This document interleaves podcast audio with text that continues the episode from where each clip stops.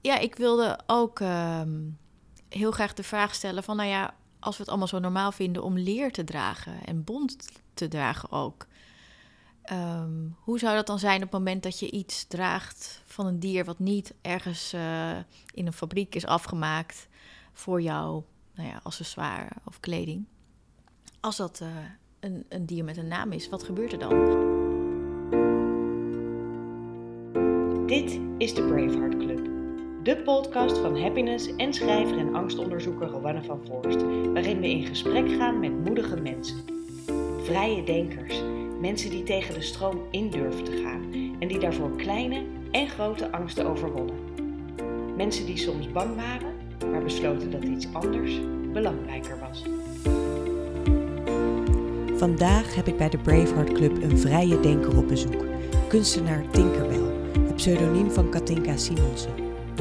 Ze is vooral bekend geworden om het verwerken van dieren in haar werk. Van een dode kat maakte ze een tas.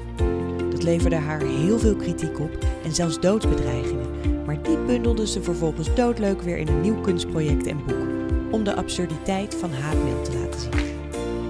We hebben het in ons gesprek over die dode kat natuurlijk. En Tinkerbell waarschuwde me direct dat het me wel eens luisteraars zou kunnen kosten. Maar ik zou je willen vragen om toch te blijven luisteren, ook al voel je weerstand. Want deze vrouw doet projecten met een reden. Doel van haar kattentasproject was om ons te laten nadenken waarom het wel maatschappelijk geaccepteerd is om boerderijdieren, zoals koeien en varkens, te doden voor consumptie, maar een huisdier niet. En daarnaast deed ze nog veel meer interessants de afgelopen jaren en daar hebben we het ook over. Afreizen naar Afghanistan bijvoorbeeld, om daar een uitgezette en verdwenen Afghaan te zoeken. Of afreizen naar Fukushima, de Japanse provincie waar op 11 maart 2011 een kernramp plaatsvond, om daar na zeven weken rondreizen te concluderen: het is daar helemaal niet zo gevaarlijk, maar er heerst wel enorme angst. Jij staat bekend als een kunstenaar en als een schrijver die vaak dingen maakt waar lang niet iedereen het over eens is. Ehm, of die dingen die mensen zelfs heel aanstootgevend vinden. Ik denk aan de vermoorde kat bijvoorbeeld. Nou, gooi je meteen uh, het allerergste uh, je podcast op. Dan weten mensen wel gelijk met wie ze te maken ja, hebben. Dus dat wijf, uh, die, ja. Dat wijf, dat ja. wijf, ja. Dat ben ik. Dat ben jij. Ja, overigens uh, wil ik daar wel meteen iets over zeggen. Um, uh, bij dieren spreek je nooit van moord als je een dier doodt. En heel strikt genomen was het niet anders dan euthanasie. Oké, okay, dus hoe ging dat dan? Hoe ging dat dan? Ja, nu, nu haken bijna al je luisteraars al af. Hè? Ik had het beter op het einde kunnen doen. Uh, hoe ging dat dan? Nou, heel kort gezegd, ik had een, een kat die heel erg ziek was. Depressief, hè, ook? Ja, maar ze was... Ik had haar uit een gezin gehaald waar ze van de trap af werd gegooid door kleine kinderen. En moest er echt weg en was een getraumatiseerde kat. Dus dat was echt zo. En um, ja, inderdaad, een depressieve kat die gewoon uh, een beetje gek was. En opgegeven was ook. En wat was jouw grotere doel? Even voor de mensen die dit helemaal gemist hebben een die, paar jaar die geleden. Die nog niet zijn afgehaakt nu. Um, het grote doel. Nou, we, moeten even 15 jaar teruggaan in de tijd. Ik zat toen nog op de kunstacademie. En uh, het is trouwens al iets langer geleden dan 15 jaar. Um, en er was op dat moment een discussie gaande tussen dierartsen over hoe je een dier het beste kunt euthaniseren. Dus wat voor middel je inspuit op het moment dat je een hond of kat laat inslapen. Um, er was namelijk uh, geen consensus over of het wel of niet pijnloos zou zijn. Dus die discussie die speelde op dat moment in de krant. Um, tegelijkertijd zat ik op de kunstacademie en deed ik onderzoek naar onze uitbestedingsmaatschappij. Um, dat wij niets meer zelf doen of zelf maken. Dat we niet meer weten waar onze producten vandaan komen. Maar ook als er iets kapot is, dat we het niet meer repareren, maar gewoon weggooien en iets nieuws kopen. En um, ik uh, verzette me daar erg tegen. En nou ja, toen was dus dit aan de hand met mijn kat. En het laten doodmaken door een professional die niet zo goed wist of dat wel of niet pijnloos zou zijn, dat stond me tegen. Mijn kat was ook nog eens bang voor de dierarts. Um, was, was, het was echt een heel erg gestrest beest van alles ongeveer. En um, ja, ik wilde ook ehm, heel graag de vraag stellen van, nou ja, als we het allemaal zo normaal vinden om leer te dragen en bond te dragen ook. Ehm, hoe zou dat dan zijn op het moment dat je iets draagt van een dier wat niet ergens eh, in een fabriek is afgemaakt voor jou, nou ja, accessoire of kleding? Als dat eh, een, een dier met een naam is, wat gebeurt er dan? Dus al die dingen kwamen samen. En ehm, ik ben uh, gaan vragen aan een slager: hoe kun je het beste en zo snel mogelijk en zo pijnloos mogelijk een dier doodmaken en villen? En um, die heeft me dat uitgelegd. En dat heb ik gedaan. En ik heb een tas van haar gemaakt. En daar kreeg je heel veel kritiek op? Heel veel, ja. Ik ben gestopt met tellen na 200.000 haat- en dreigmails. En um, dat loopt nog steeds. Wat was er enger? Uh, doodmaken van je kat, als je dat überhaupt eng vond? Of dealen met al die kritiek? Doodmaken van mijn kat was niet per se eng, dan wel gewoon heel akelig. Maar niet anders akelig dan als je een. Nou ja, als, heel veel mensen met huisdier hebben wel eens een huisdier naar de dierarts gebracht om in te laten slapen. Dat, dat, zo werkt het in onze maatschappij. Um, iedereen die dat wel eens heeft gedaan, weet hoe erg dat is. Zo erg is het. Later heb jij uh, bijvoorbeeld 30 hamstertjes in een rad laten ronddraaien. Hè? Nee, heb ik heb um, een project gedaan dat heet uh, Save the Pets. Dus uh, red de huisdieren. Waarin ik uh, eigenlijk een stukje van de huisdierindustrie wilde bediscussiëren. En dat ging heel specifiek over hamsters. En mensen die een hamster kopen, vaak voor hun kinderen, zodat hun kinderen kunnen leren hoe ga je met een dier om, stoppen zo'n hamster in een hamsterbal. Dus een plastic bal, die speciaal voor dat beest gemaakt. Die kan dan rondrennen door de woonkamer zonder dat die kwaad kan. En daarmee bedoel ik, kan je vloerbedekking niet opeten, krabbelt niet aan je behang, raakt niet kwijt, uh, knaagt je, je kabels niet door. Je hebt er dus geen last van. Um, ik vroeg me zeer af of het wel een goed idee is, überhaupt om een hamster in een kooitje te houden. Want een hamster in het wild rent kilometers per dag. Um, een huisdier om je kind te leren hoe je met dier om moet gaan, heb ik ook mijn twijfels bij. Uh, een plastic bal voor een hamster. Nou ja, ik um, wilde die twijfel die ik zelf had, wilde ik delen. Um, en ik heb toen een huiskamer nagemaakt um, in een galerie waar ik niet één hamster in één bal, maar honderd hamsters in honderd ballen stopte. Ah, het waren er honderd. Het waren er honderd, precies. En nou ja, lang verhaal kort. Er is iemand geweest die zelf een eigen dierrechtenorganisatie had. Was in haar eentje haar eigen dierrechtenorganisatie. En die heeft aangifte gedaan. En zij had nog zeven vriendinnen die ook allemaal hun eigen dierrechtenorganisatie hadden. Dat kan gewoon. Dat is serieus genomen. Het is een rechtszaak geworden. Die is um, helemaal naar de meervoudige kamer gegaan. Dat betekent dat er drie rechters over hebben besloten. Het heeft drie jaar lang geduurd, die hele zaak. Voor de duidelijkheid, hamsters kunnen maar twee jaar oud worden. Dus ze waren allemaal al een jaar dood. Um, en ik ben vrijgesproken uh, omdat ik me netjes aan de regels... Er zijn maar heel weinig regels, maar ik heb zo goed mogelijk voor de dier gezorgd. Er is, maar, valt mij geen blaam. En, um, je deed feitelijk hetzelfde als heel veel mensen thuis doen met Ik de deed feitelijk hetzelfde wat heel veel mensen thuis doen. Uh, wat wel winst was, is dat voor het eerst deze hamsterbal ter discussie werd gesteld. En dat is wat ik wilde.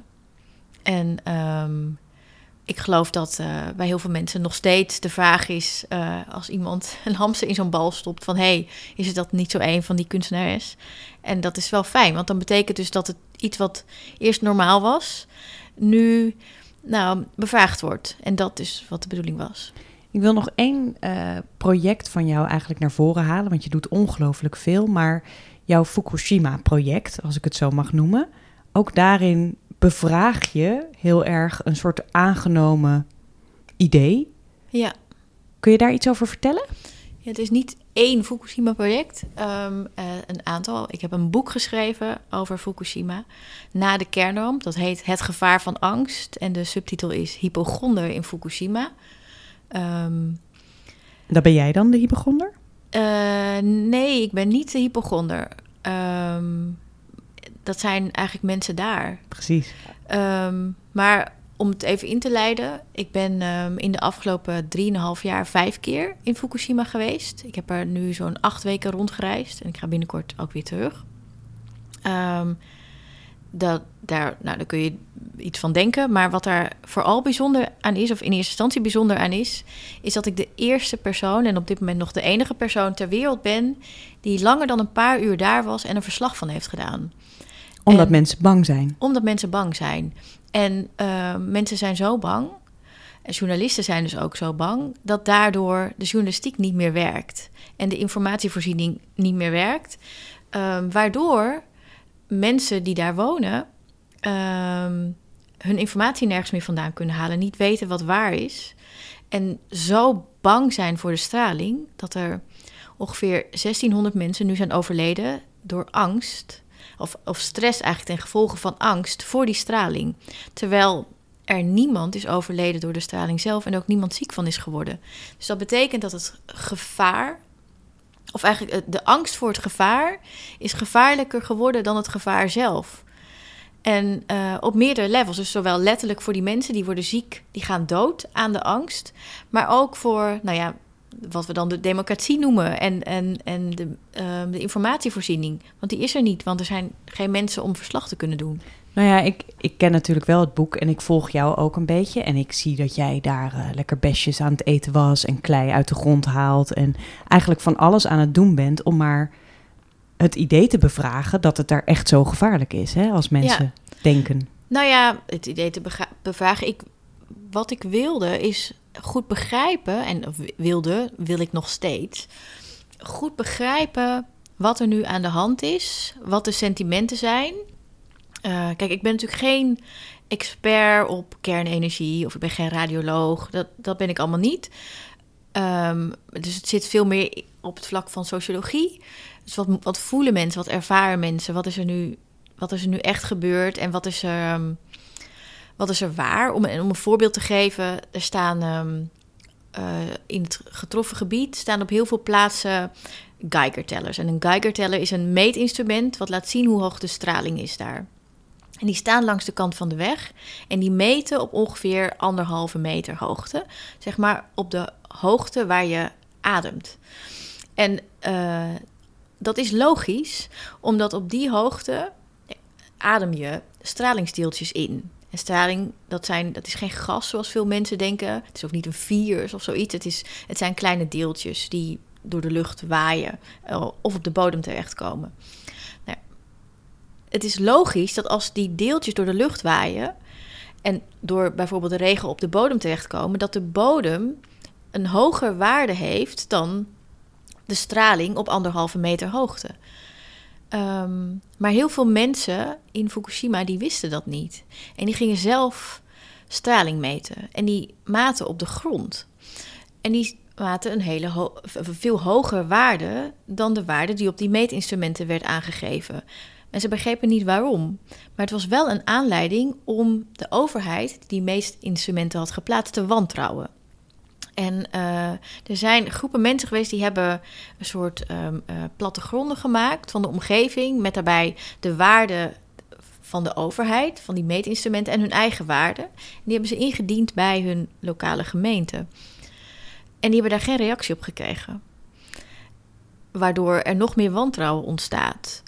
En um, terwijl het heel logisch uit te leggen is, namelijk de straling op de grond is hoger dan in de lucht, omdat het deeltjes zijn nou, wat ben ik gaan doen? Ik ben dat dus gaan checken. Ik ben dus gaan meten op anderhalve meter hoogte en op de grond. Ik heb daar filmpjes van gemaakt. En ik heb dat laten zien. Kijk, zo werkt het. Dus het klopt wel, dit apparaat.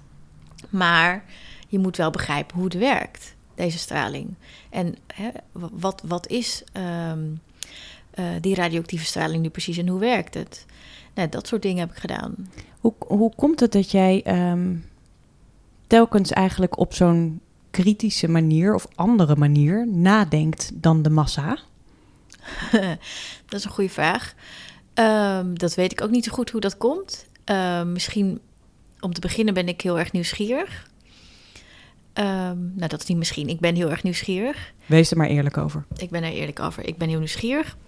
Um, maar uh, dat gaat wel verder dan dat ik een artikel over iets wil lezen. Ik wil echt dingen begrijpen. En het zelf bijna doen. En het zelf bijna doen. Ja, nou ja, zelf bijna doen. Ik wil ergens zijn. Kijk, er is zo absurd veel aan de hand in deze wereld. En we krijgen ook heel veel informatie. En het is heel moeilijk om te bepalen welke informatie wel of niet klopt. Of ehm, wat er belangen zijn. Want er zijn overal belangen. Zowel politiek als vanuit bedrijven als organisaties. En ehm, hoe bepaal je nou nog wat waarheid is? En hoe, hoe kun je nog stelling nemen? En ehm, nou ja, juist omdat er zoveel aan de hand is, vind ik het zo belangrijk om goed te kunnen motiveren waarom ik ergens sta. En het te begrijpen. En ook op het moment dat ik errors zie, ik noem dat dan zelf errors, gewoon errors, al, overal zijn dingen mis in alles wat we doen en in ons hele systeem. Hoe moet je dat dan oplossen? En op het moment dat je iets op wil lossen, dan, ehm, dan moet je het snappen. Als, als, een, als een apparaat niet werkt, een willekeurig apparaat, de, de manier om het te repareren is uit elkaar halen en heel goed kijken. als je heel goed kijkt, dan zie je als het goed is waar het misgaat en dan kun je het fixen. En zo werkt het natuurlijk ook met alles in de wereld. Dus dat is eigenlijk wat ik doe. En is die nieuwsgierigheid, denk je, een soort van de verbindende drijfveer voor de projecten die jij opzet? Nee, meer het willen fixen. Hm. Ik wil het oplossen. Dus ik, dus ik wil begrijpen zodat ik het kan oplossen. Maar toen jij bijvoorbeeld een handtas had gemaakt van je kat, heb je daarmee iets opgelost, denk je? Heb ik daarmee iets opgelost? Nou, het was in eerste instantie een vraag die ik stelde. Ehm, aan mezelf ook. Van hoe werkt het nou? Hoe, hoe werkt het sentiment? Kunnen wij een leerjas dragen zonder het gevoel te hebben dat we een dier dragen? En vergis je niet, er is gewoon een dier voor door zijn kop geschoten. Het is niks anders dan dat. En ja, ik wil dat niet. Ehm, want ik, ja, ik zie het dier wel voor me. Ik, ik, ik, ik wil het niet. En, maar hoe kan het dat andere mensen dat wel kunnen? En is er dan een verschil als het een dier is met een naam? Ja, dus in mijn geval, het was een kat met de naam Pinkeltje. Nou, ik weet nu dat dat verschil levensgroot is. Dat kan niet. Dat kan dus niet. Mensen. Nee, precies. En ik, dus het was, ik bedoel, het was een, een, een, een, een, een, eh, een kunstwerk, um, maar het was ook research. He, dus alle projecten die ik doe zijn ook weer aan elkaar gekoppeld. Dus het is allemaal stukjes onderzoek. En um, ik kan wel zeggen dat ik nu veel meer weet en begrijp van het sentiment rondom dier en hoe we empathisch zijn naar sommige dieren en andere dieren niet. Wat ik een heel mooi voorbeeld vind, is. Um, misschien herinner je je nog dat uh, uh, mond- en klauwzeer uh, heerste. De, Zeker, ja. Volgens mij, als ik me niet vergis, was het 2008, dus dan tien jaar geleden zoiets.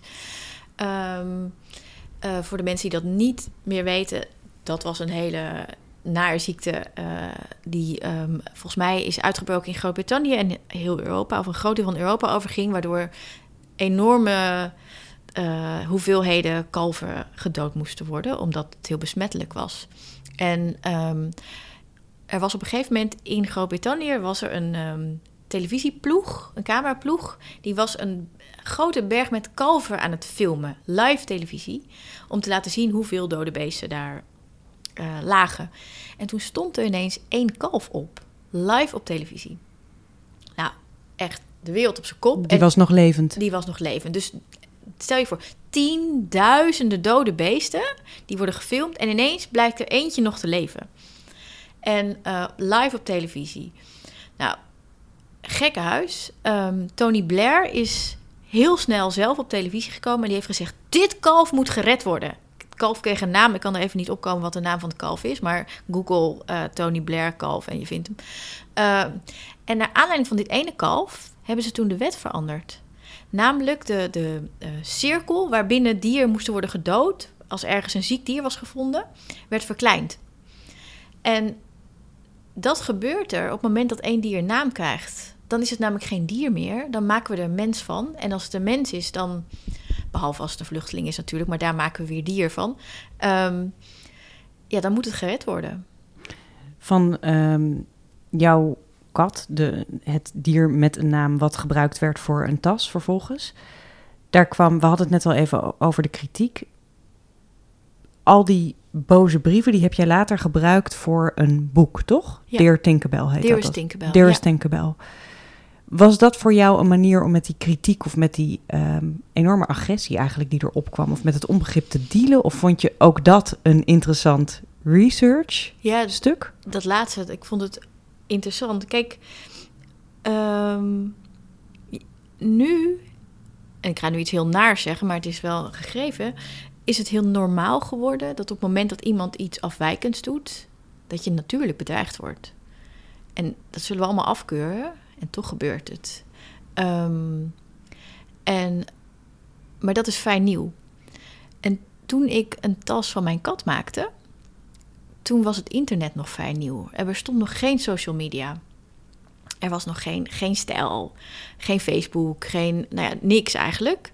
Ehm, en er was ook nog nooit iets viral gegaan. Dat, zeg maar, op het moment dat je het over iets viral gaat, dan heb je het over een ziekte, maar niet over iets online. Ehm, en ik heb een presentatie gegeven toen de tijd in Paradiso in Amsterdam voor 2000 mensen of zo. Waarin ik laat zien hoe je het beste je kat kan doden en een tas van kan maken. En dit waren allemaal een beetje van die early adapters. Van die mensen die al op internet zaten toen de meeste mensen nog niet op internet zaten. En die hadden wel een soort fora online waar ze dat deelden. En toen had ik dat weekend 30.000 unieke bezoekers op mijn website. En dat was idioot veel. En toen is dit project viral gegaan. Ehm, en kreeg ik in één weekend heel veel haat- en dreigmails van mensen. Maar dat was nieuw. Het bestond nog helemaal niet. Dus ik was ook gefascineerd door wat er gebeurde. Het was zo veel en vreemd ineens dat ik het heb gearchiveerd. En ehm, wat daar nu, ik kan er best wel met grote afstand naar kijken. Wat er nu interessant aan is, is dat omdat ik, ik wil niet zeggen de eerste, ik was samen met iemand anders de eerste. En dat was, moet je maar eens op googelen, bonsaikitten.com. Dat was een, eh, een eh, Japanse manier of een Chinese manier in New York die een website had gemaakt waar je zogenaamd bonsai kittens kon bestellen. Hij deed net alsof hij kittens in glazen potjes stopte zodat ze niet konden groeien en altijd klein bleven. Nou, dat was natuurlijk een hoax, maar ook het woord hoax bestond nog niet, dus mensen geloofden dit. Dit waren de eerste twee dingen die viral gingen online. En, ehm, maar doordat het een van de eerste twee dingen was, eh, en het nog steeds ongoing is. Dus ik krijg nog steeds ehm, haat, ik noem het nu berichten. Ehm, omdat dingen nu veel meer via social media gaan. ehm, heb ik een heel archief met het verloop van hoe uiten mensen haat op internet. En ik gewoon aan de hand van één project wat ik heb gedaan. En dat is een, een fascinerend archief. En ik, en ik snap dat je het fascinerend vindt. Het lijkt mij ook heel fascinerend. En tegelijkertijd denk ik, het klinkt bijna alsof het je. Alsof je er met zoveel afstand nu naar kijkt dat het je nooit heeft geraakt. Heb je het ook op enig moment moeilijk of, of eng gevonden zelfs? Ehm, niet zo vaak. Het was zoveel meteen. ehm, dat het daarna, daardoor ook abstract werd. Ehm, ik denk, meen ik echt, dat het veel enger kan zijn om één keer een dreigmail te krijgen dan 200.000 keer. Eh, ja, dat, Dan wordt het bijna absurd. dat wordt absurd. Ja, precies. En het is al zoveel jaar ook. Ik, ik ben er een beetje aan gewend. Maar kijk, natuurlijk, ik ben niet elke dag en elk moment in opperbeste bui, zeg maar. Ik heb ook wel eens een rot humeur of eh, dat, eh, weet ik veel, een rot dag. En ja, dan ben ik er wel gevoeliger voor om me er kut over te voelen dan op een normale dag. D- natuurlijk. En eh, sommige dingen zijn persoonlijker dan andere dingen. En sommige, soms raakt iets je. Ik weet bijvoorbeeld ondertussen dat het me meer raakt als iemand zegt: eh, Wat ben je lelijk? dan wanneer iemand zegt: Ik ga je doodmaken. Dat is heel gek, maar zo is het. En eh, ja, hoe komt dat? Ik weet het niet. Zo is het. Maar ik, tegelijkertijd realiseer ik me ook wel heel erg dat het niet over mij gaat. Kijk, op het moment dat iemand mij een haat of een dreigmail stuurt, of eh, weet ik veel, een anti-Tinkerbell Facebookpagina aanmaakt, die zijn ondertussen allemaal verwijderd, maar ehm, zoiets, ehm, dan gaat het natuurlijk niet over mij. Dat gaat over een beeld wat iemand van mij heeft. En ik ben dat helemaal niet. Of over een idee waar jij tegenaan hebt geschopt. Exact. Dus eh, dat heeft helemaal niets met mij te maken. En ehm, sterker nog, ik geloof zelfs dat er iets goeds in zit. Want mensen die dat doen, hè, die zijn ergens boos over. Iets, nou ja, dierleed eh, in de wereld, weet ik veel. Uh, ben ik ook boos over, trouwens. Maar, ehm, dus ik snap de woede. En dat, maar ja, dat is zo groot. Er is zoveel dierleed in de wereld. Er is sowieso zoveel leed in de wereld. Waar moet je dat nou op ventileren? En dan loopt er ineens zo'n meisje in een roze bloemetjesjurk en een grote bril rond en die heeft het gedaan. Je hebt een dader gevonden en die kun je e-mailen. Of je kunt een, een, een, weet ik veel, een petitie tegen haar starten. Nou, dat, dan heb je het gevoel alsof je een probleem hebt opgelost. En het gevoel hebben dat je een probleem hebt opgelost, dat je ergens mee hebt gedeeld, dat is natuurlijk ontzettend lekker. En dat geeft mensen vaak ook een soort van energie om door te gaan en iets goeds te doen. Dus het is heel goed. Ventileer het maar, doe maar. Zet mijn naam er maar onder. Het gaat namelijk niet over mij. En dan ben jij het kwijt en dan kun je weer iets goed. Dus het, het heeft een, een, functie en die is heel belangrijk. Ja, mooi dat je die ziet. hey, hoe werkt dat bij jou? Dus stel, jouw creatieve brein begint te bruisen en jij krijgt een idee. Hoe zorg je er dan voor dat dat waarheid wordt? Ga jij er, stort je je ergens in en begint het zich dan te ontvouwen? Of plan je dat helemaal uit? Nee, ik, um, ja, dat wisselt heel erg per idee. Um, ik, uh, alles begint met ergens gaan kijken en research. Dus ik ben doorgaans meer geïnteresseerd in een, in een onderwerp of in een plek. Of ik lees iets in de krant of iets, weet ik veel. Er komt iets tot mij op een of andere manier. En dan moet ik daar iets mee doen. En dan ga ik het eerst heel erg uitzoeken. Dus begin bij research. Soms zit er urgentie en dan moet ik ineens ergens heen. Dus ik, heb bijvoorbeeld, het was uh, um, 2015, begin 2015. Dat is bijna vier jaar geleden. Um, werd er um, een, een, een, Afghaanse man die al 18 jaar in Nederland woonde, verdacht van oorlogsmisdaden. Uh, maar hij had nooit een proces gehad, een eerlijk proces, wat gaat over zijn eigen achtergrond. En hij werd uitgezet naar Afghanistan zonder dat hij zijn eigen gezin gedag mocht zeggen. En zonder dat hij een telefoon of geld of spullen of wat dan ook mee mocht nemen. En hij raakte vermist in Afghanistan, dus niemand wist waar hij was. Ja, ik heb toen besloten, dan ga ik erheen, ga ik hem zoeken. Want er is noodzaak. En dat is een soort moment dat je dat besluit. En dan een fractie van een moment daarna bedenk je: oh ja, maar dan heb ik dus nu heel veel geld nodig. Want het moet gefixt worden. Dus dat is vaak nummer twee. Dus ik wil iets doen. En dan, oké, dan moeten daar nu de middelen voor zijn. Dus dat is meestal fase 2, de middelen. Twijfel je ook wel eens? Uh, niet vaak. Nee, nee, ik voel wel als het moet. Ja. Ja. En dan heb je dus ook het gevoel dat jij het moet doen. Dat is interessant. Dat, die nou, in het geval van dit, dit Afghanistan-verhaal ben ik in eerste instantie een aantal uh, nieuwsredacties gaan bellen. Want ik, ik vond dat ik als kunstenaar niet de aangewezen persoon was in eerste instantie om naar Afghanistan te reizen om een man te gaan zoeken die vermist is. Um, en ik vond ook dat het vastgelegd moest worden. Um, nou, ik weet dat ik, de eerste die ik heb gebeld was de NOS-redactie. En daar zeiden ze... Nee, we hebben vorig jaar al uh, twee of drie items over Afghanistan gedaan. Dus niet heel uh, relevant meer. Dat hebben we al gehad. Dat vond ik heel shocking. Nou, ik heb toen nog wat andere nieuwszenders en ongeveer alle kranten gebeld. Ik dacht, misschien hebben ze ergens wel een reporter daar of zo, hè, een correspondent. Maar niemand wilde daar geld in stoppen. Ja, dus dan is dan goed, dan blijft dus één optie over en dat is zelf gaan. Kan je uitleggen wat daar vervolgens is gebeurd? Oh, um, hoe het is afgelopen? Hoe het is afgelopen? Nou, hoe het is afgelopen is dat ik een, een sponsor vond. Um, die mij uh, toen 30.000 euro gaf. Die ik in vijf dagen doorheen heb gejast. Uh, aan beveiliging en zo. Uh, en aan een professionele cameraman die ik heb ingehuurd. Die ook, en een fixer. En, fixer is iemand die je ter plekke helpt hè, aan contacten. Ja, exact. En um, de dochter van die uitgezette man die was er ondertussen al heen.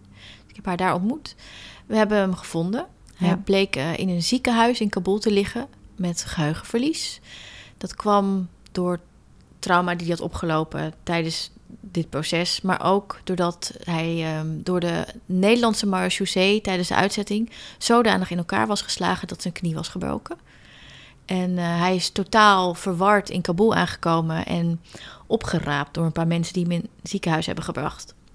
Daarom kunnen vinden, gelukkig. Ehm, en ehm, ja, dus het ziekenhuis moest betaald en er moest een nieuw paspoortvorm geregeld worden daar. We hebben hem in veiligheid gebracht in eerste instantie in India. En ehm, ik ben toen een onderzoek begonnen naar hoe kan het nou dat, dat hij is uitgezet? Hoe kan het dat hij geen eerlijk proces heeft gehad? Hoe werkt dat eigenlijk? Nou, ik weet nu dat in, in ons rechtssysteem is het zo dat we hebben met elkaar afgesproken dat er niemand schuldig is totdat dat is bewezen. Is ook, nou ja, dat denk ik dat we dat beschaving mogen noemen. Maar, en dat weten heel veel mensen niet, ehm, op het moment dat je een uh, asielzoeker bent, zonder status, dus zonder dat je hier mag zijn, dus zonder Nederlands paspoort feitelijk. Um, ik zeg het verkeerd, dus je kunt een status hebben, maar zonder Nederlands paspoort is het andersom. Dan ben je schuldig totdat jij je onschuld hebt bewezen. En dat is bij hem aan de hand. Ik ben heel erg in de geschiedenis van Afghanistan gedoken en in de oorsprong van zijn um, verdenking, um, zijn verdachtmaking. En ik ben erachter omdat hij inderdaad onschuldig is. Met hem zijn er nog zo'n 800 Afghanen in Nederland die ook onschuldig zijn en um, toch worden verdacht. En dat, ja, dat gaat terug naar een ambtsbericht wat is opgemaakt in het jaar 2000. Uh, wat stelt dat um, alle Afghanen die in de jaren 80 voor de geheime dienst hebben gewerkt in Afghanistan mensen gemarteld en vermoord zouden hebben. Dat blijkt niet waar te zijn. Um, iedereen weet dat, dat dat niet waar is. Maar Nederland heeft als enige land ter wereld een ambtsbericht waarin staat dat het wel zo is, ondanks dat we weten dat het niet zo is. Heel lang verhaal, heel ingewikkeld. Um, maar uh, zo'n ambtsbericht, dat is dan gewoon wet. Dus ja, dan verlies je al je recht en kun je uitgezet worden. Ik probeer nog steeds dat te veranderen, want dit is heel erg. Dit is zeker heel erg. En ik hoor je nu een aantal dingen zeggen. Um, waarin je echt bezig bent met iets voor elkaar krijgen. Iets, de wereld ietsje, I don't know, vriendelijker of um, rechtvaardiger maken. Of het nou gaat om de hamsterballen die misschien niet helemaal oké okay zijn voor de hamster. Of dit ja. verschrikkelijke verhaal voor deze meneer. Wat brengen deze projecten jou, denk je? Oh, slapeloze nachten. um, dat brengen ze mij. Dat is eigenlijk nooit in vragen. Dat is, ik, ik doe mijn werk niet per se voor mij. Alhoewel, ik antwoord nu met het brengt me slapeloze nachten. Het zal me waarschijnlijk nog meer slapeloze nachten brengen als ik het niet zou doen. Want dat is denk ik de belangrijkste drive. Ik heb al best wel lang geleden geleerd dat je als individu, zeker in Nederland, zo ongelooflijk veel macht hebt en zoveel impact kan maken op kleine dingen en op grote dingen. En um, ik ben me daar heel erg bewust van geworden en dat heeft een enorm verantwoordelijkheidsgevoel bij mij gecreëerd. En, um, en dat, ik voel dat gewoon echt tot in het puntje van mijn tenen. Dus op het moment dat ergens iets gebeurt, dan, nou, dan moet ik daar gewoon iets aan doen. Wat een mooie inzicht. Dat je dus eigenlijk veel meer kunt veranderen dan de meeste mensen misschien wel denken. Ja, en uh, dat klopt. Ja, ik, en, ik, en ik snap het ook hoor. Dat, dat, ik denk dat ik zelf dat ook heel lang heb gedacht. Of, of, ik heb er niet eens over nagedacht. Ik denk dat, er, dat een soort uitgangspunt is van ja, er gebeurt nu eenmaal veel in de wereld. Wat kun je daar nu aan doen? Je kunt, je kunt alles doen. En nogmaals, zeker vanuit Nederland. We, zijn, we zitten in zo'n enorme luxe positie. Het is echt een godsgeschenk om hier geboren te worden. Je zou um, dat constant op de barricades gaan staan eigenlijk. Uh, ook al maakt het misschien wel mensen boos of ook al begeef je je in vrij wanhopige situaties. Heel moedig kunnen noemen. Ik vind dat heel dapper. Ik vind dat heel moedig. Ik weet niet of jij dat met me eens bent of jij jezelf moedig nee, zo voel ik me helemaal niet. Nee, ik ben trouwens hartstikke bang voor spinnen. Dus ik, uh... Wat vind jij moedig? Hoe zou jij moed omschrijven? Dat is, ik, uh, dat is voor iedereen natuurlijk anders. Um, ik, zou het moedig van mezelf vinden als ik een keer iets niet zou oppakken. dat doe ik namelijk niet. Ehm, maar ik, ik zou het tegelijk ook, ook laf vinden. Dus moedig en laf. Omdat, uh, ja, de dingen die ik oppak, die zijn belangrijk om op te pakken. En waarom zou je het uh, moedig van jezelf vinden om eens een keer iets niet te doen? Wat zou dat in jou laten zien of uitlokken wat je misschien nog niet zo goed kent? Um, nou ja, um, kijk hoe het bij mij werkt is dat moment dat ik iets heb afgerond ergens. Er hoeft maar echt een millimetertje ruimte ergens in mijn hoofd te ontstaan. Een klein beetje lucht. Dan vloept er een nieuw project in. En dat betekent feitelijk nooit rust. Gewoon nooit. En um, terwijl ik daar best behoefte aan heb. Ik ben nu bijna 40. Ik zou echt heel graag een keer gewoon een weekend vrij hebben. Of kerst vier en twee dagen niks of zo. Of um, daar word ik een beetje toe verplicht. Meestal omdat dan eenmaal de wereld stilstaat. Dus dan kun je niet zoveel. Maar dus dan doe ik een halve dag nog iets. Um, maar of op vakantie gaan. Dat soort dingen die voor heel veel mensen echt heel normaal zijn. Dat zou op zich wel lekker zijn, maar er is geen ruimte voor. Dus dat zou dan gebeuren op het moment dat ik dus ergens nee zou zeggen. Ja, ik kan me voorstellen dat dat een uitdaging is dan als je het zo vertelt. Ja, ja precies. En, en ook, kijk, ook in een heel. Kijk, rust nemen is een soort logisch ding voor de meeste mensen, maar ook um, werken voor geld is natuurlijk logisch. Hè? Je werkt om geld te verdienen. En ik werk omdat ik dingen moet fixen. Dus dat betekent dat mijn werk geld kost. En um, uh, het gebeurt wel eens dat ik uh, word gevraagd om dingen voor geld te doen. Um, die niet mijn projecten zijn. Dus ik geef wel eens lezingen voor geld. Dat vind ik dan een ander verhaal. Maar dus, kijk, wat, wat, ik, wat ik kan, is hele grote problemen behapbaar maken. En in mensen hun hoofd stoppen. Zodanig dat het zo binnenkomt dat een appel op je handelen doet. Dat is feitelijk het trucje wat ik uitvoer. Um, waardoor dingen kunnen veranderen binnen systemen. Wetten kunnen veranderen. Dat is een paar keer gebeurd. En, en nou ja, heel veel dingen kunnen anders. Maar dat is natuurlijk een mechanisme wat ook wordt gebruikt in de reclamewereld. En waar menige reclamejongen erg jaloers op is dat ik dat kan. En hij of zij um, dat voor een willekeurig merk het niet voor elkaar krijgt. Dus ik spreek wel eens van die reclamejongens en meisjes die dan zeggen: Nou, kun je niet een keer bij ons langskomen? En, uh, en dat doe ik dus niet. Dus ik, ik, um, uh, ik eisig van mezelf om integer te blijven in wat ik bij mensen binnen laat komen. En dat is natuurlijk ook ingewikkeld, want ik zou dus mijn techniekje, mijn trucje kunnen gebruiken om geld te verdienen. Uh, maar ik, dat doe ik niet. Ik zet het in om iets groots te doen. En dat is soms ook wel frustrerend. Um, ja, maar dat, ik blijf daarbij. Ja, ik, ik hoop stiekem dat je gewoon nog uh, heel veel dingen blijft fixen. Waar je met je hart voelt dat jij ze moet doen. Ja, uh, uh, no doubt. en lekker veel slapeloze nachten dus, helaas. Ja, voor jou. thanks. hey, dankjewel voor dit gesprek. Graag gedaan. Dit was de Braveheart Club van Happiness en schrijver Rowanne van Voorst. Met dit keer Braveheart Tinkerbell als gast. Ben je benieuwd naar Tinkerbell of naar de andere moedige mensen in deze podcastserie? Ga dan naar happiness.nl slash braveheart. Daar vind je alle linkjes en meer informatie. Tot de volgende keer.